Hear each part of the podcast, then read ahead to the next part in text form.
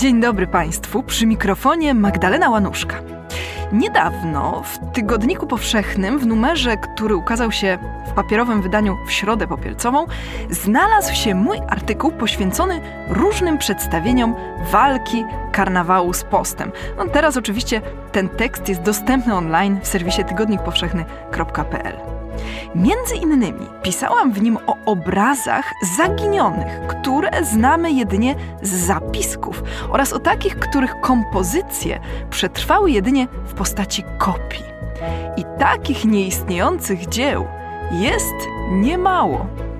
No i dziś w cyklu Sztuka Powszechnie Nieznana postanowiłam opowiedzieć Państwu o pewnym zaginionym obrazie, który znamy jedynie z kopii, a który być może był dziełem słynnego Jana Wanajka. Ale nie wiemy tego na pewno, jak również nie wiemy, co właściwie przedstawiał. To znaczy, wiemy tyle, że był to akt kobiecy ukazujący damę w komnacie przy zabiegach toaletowych. Ale co to była za dama? Zapraszam do słuchania.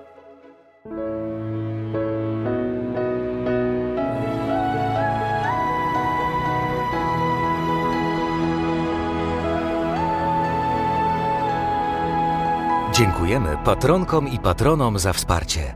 Dołącz do grona dobroczyńców podcastu Tygodnika Powszechnego w serwisie Patronite. Folk Muzeum, należącym do grupy Harvard Art Museums, y, która z kolei należy do Uniwersytetu Harvarda w Massachusetts w Stanach Zjednoczonych, znajduje się malutki obrazek.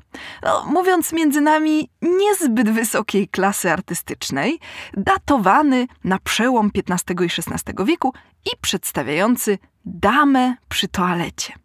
Naga kobieta obmywa swoje ciało, a towarzyszy jej służąca.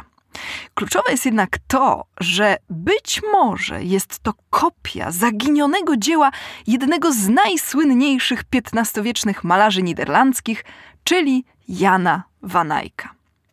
Rzecz w tym, że kompozycja przypomina jedno z najbardziej znanych dzieł Van Eycka, czyli tak zwany portret Arnolfinich.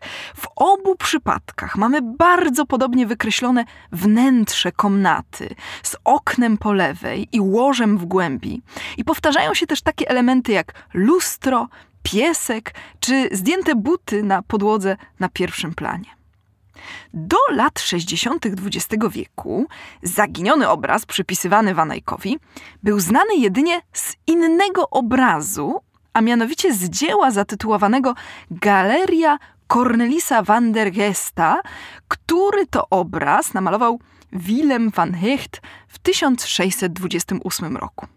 Dziś ten obraz znajduje się w zbiorach domu Rubensa w Antwerpii, a reprodukcja jest oczywiście na stronie mojego podcastu. Cornelis van der Geest był zamożnym antwerpskim kupcem, posiadającym pokaźną kolekcję sztuki. W 1615 roku odwiedzili go namiestnik hiszpańskich Niderlandów, arcyksiąże Albert VII Habsburg i jego żona, arcyksiężna Izabela.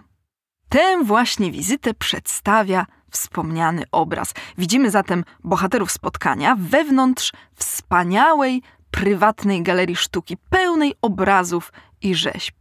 W głębi, przy rogu komnaty, w środkowym rzędzie obrazów wisi właśnie owo zaginione dzieło. No i w 1969 roku Folk Muzeum nabyło z prywatnej kolekcji niewielki obrazek o tej samej kompozycji. Z pewnością jednak nie jest to ten sam obiekt, który widzimy w XVII-wiecznej galerii, ponieważ tamten był zdecydowanie większy. Oceniając skalę obrazu, namalowanego w obrazie ukazującym galerię, na podstawie proporcji w stosunku do wnętrza, do ludzi, do innych obrazów, szacuje się, że zaginiony obraz miał rozmiar około 90 na 60 centymetrów, czyli był mniej więcej taki jak słynny portret Arnolfinich. Tymczasem obraz Folk Muzeum ma jedynie 27,5 na 16,5 cm, więc jest znacznie mniejszy. To była powszechna praktyka w Niderlandach malowanie pomniejszonych kopii. Powiększone kopie raczej się w dawnych czasach nie trafiały. Stąd też założenie, że zaginiony obraz znany z XVII-wiecznego dzieła to raczej był oryginał. Poza tym kolekcja Cornelisa van der Gesta zawierała starannie dobrane dzieła. Bardziej jest prawdopodobne, że posiadał on obraz Van Eycka, niż że miał jakąś jego kopię.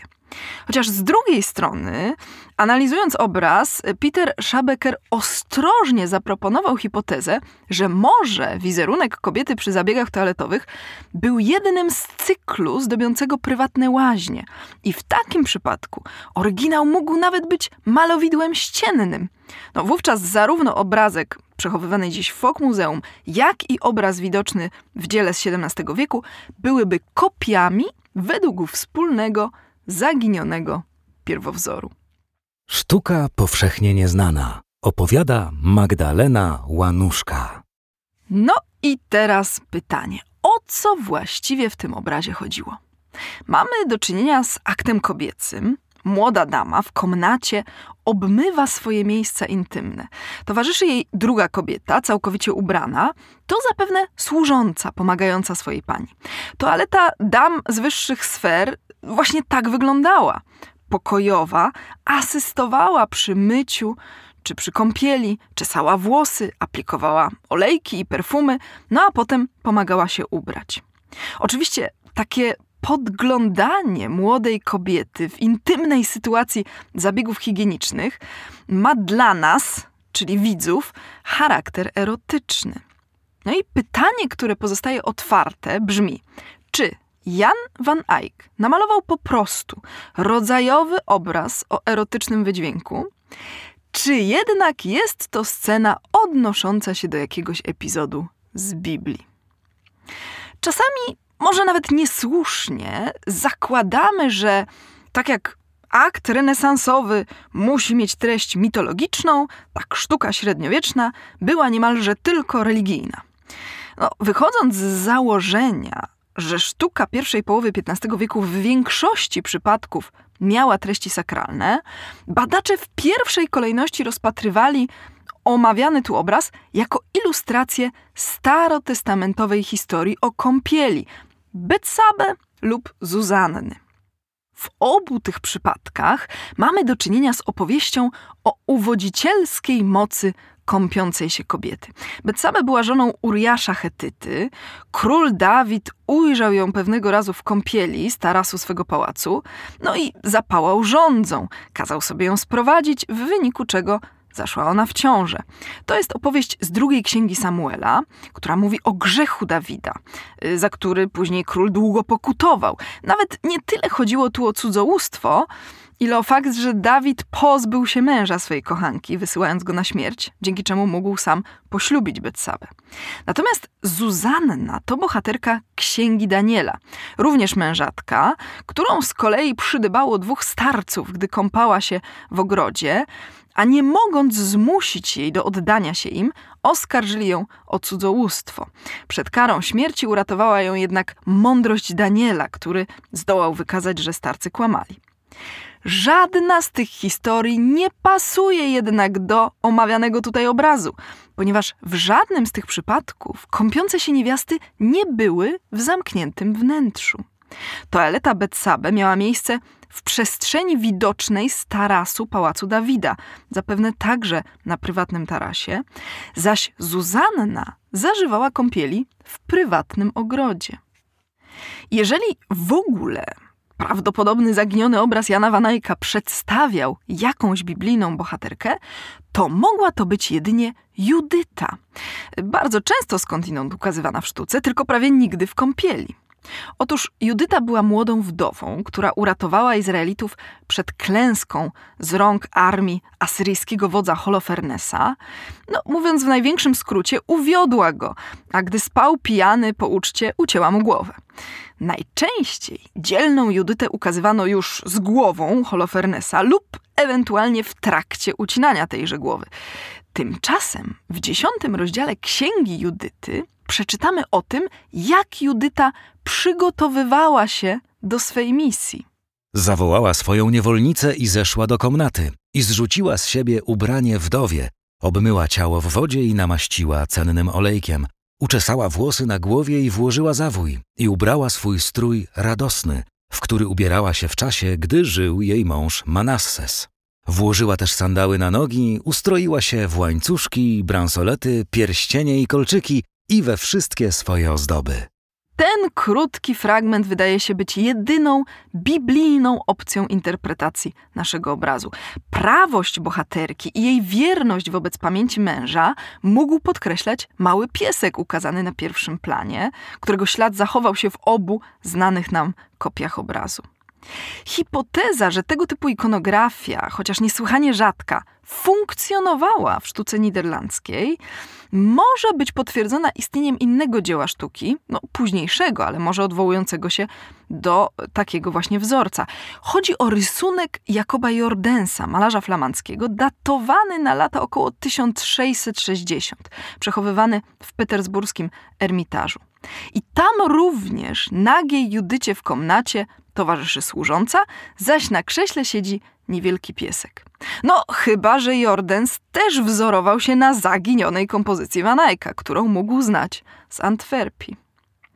Ja muszę jednak przyznać, że bardzo denerwuje mnie takie kategoryczne stwierdzenie pojawiające się w niektórych artykułach, że w XV wieku nie było malarstwa rodzajowego, że każda ukazana w sztuce scena musiała mieć jakieś literackie, biblijne czy mitologiczne treści. No ale właściwie dlaczego? Musimy pamiętać, że z dorobku artystycznego dawnych wieków zachował się do dzisiaj jedynie pewien procent dzieł. Im wcześniejsze wieki, tym ten procent zachowania jest mniejszy.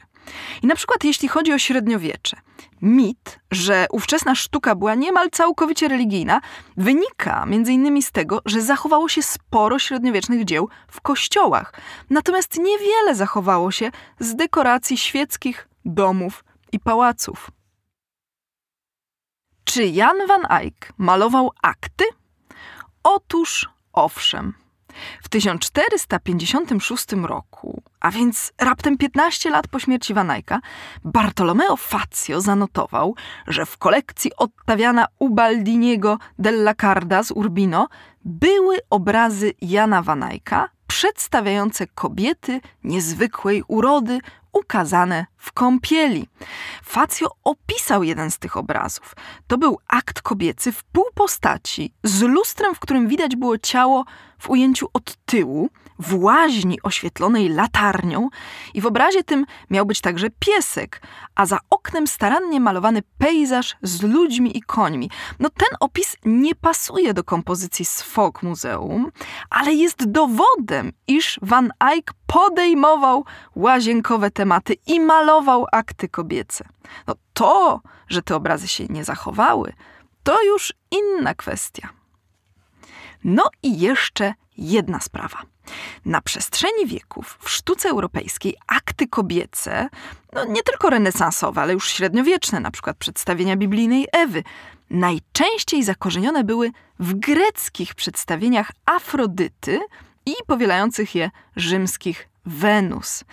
Tak też jest w przypadku naszej tajemniczej damy przy toalecie. Zgodnie z tradycją, pierwszym w sztuce greckiej aktem kobiecym była kultowa rzeźba Afrodyty Dłuta Praxytelesa, artysty pochodzącego z Aten, działającego w tak zwanym okresie późnoklasycznym, czyli w IV wieku przed naszą erą. Wedle Pliniusza Starszego, Praxyteles wyrzeźbił dwie wersje Afrodyty, nagą i ubraną, do dwóch różnych sanktuariów. Pierwszeństwo w zakupie mieli mieszkańcy wyspy Kos, którzy zdecydowali się na wersję w odzieży, uznając, że całkiem naga bogini jest nieprzyzwoita. Tę zaś zakupiono do świątyni Afrodyty w Knidos i stała się ona sensacją.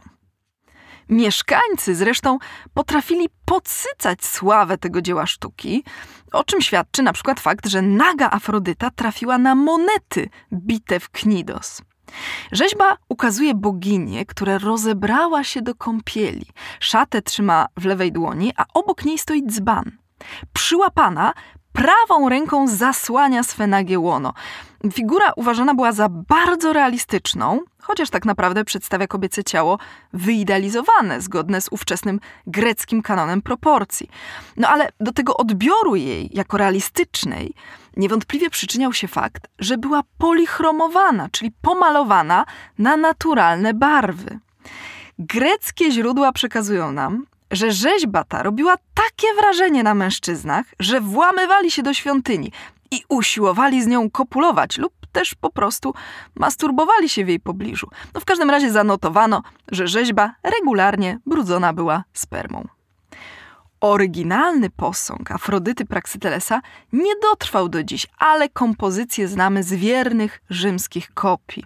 Powstały zresztą w starożytnym Rzymie liczne wersje nagiej stojącej Wenus, no mniej lub bardziej nawiązujące do pierwowzoru Praxytelesa.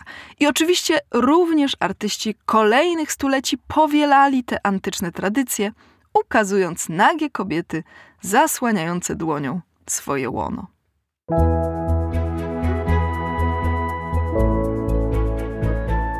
Wbrew powszechnemu mniemaniu, antyczne wzorce artystyczne nie zostały zapomniane w średniowieczu, choć niewątpliwie sztuka nowożytna przyniosła znaczący powrót ich popularności. Nie każdy renesansowy akt kobiecy musiał jednak być związany z tematem mitologicznym, podobnie jak nie wszystkie dzieła średniowieczne odnosiły się do Biblii czy żywotów świętych. Niewykluczone zatem, że zaginiony obraz przypisywany Janowi Wanajkowi jednak nie przedstawiał biblijnej Judyty. Być może na przykład była to ilustracja jakiejś świeckiej opowieści, a myjąca się dama to bohaterka romansu rycerskiego, przygotowująca się na spotkanie z kochankiem. Motyw kąpieli i zabiegów higienicznych jak najbardziej pojawiał się w średniowiecznej kulturze świeckiej.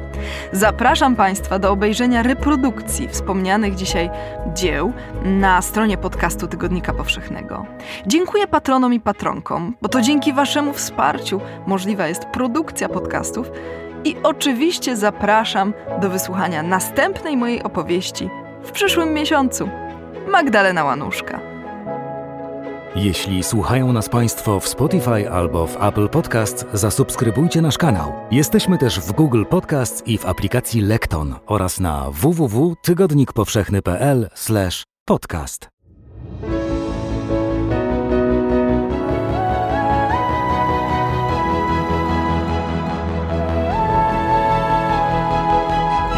Podcast Tygodnika Powszechnego. Weź, słuchaj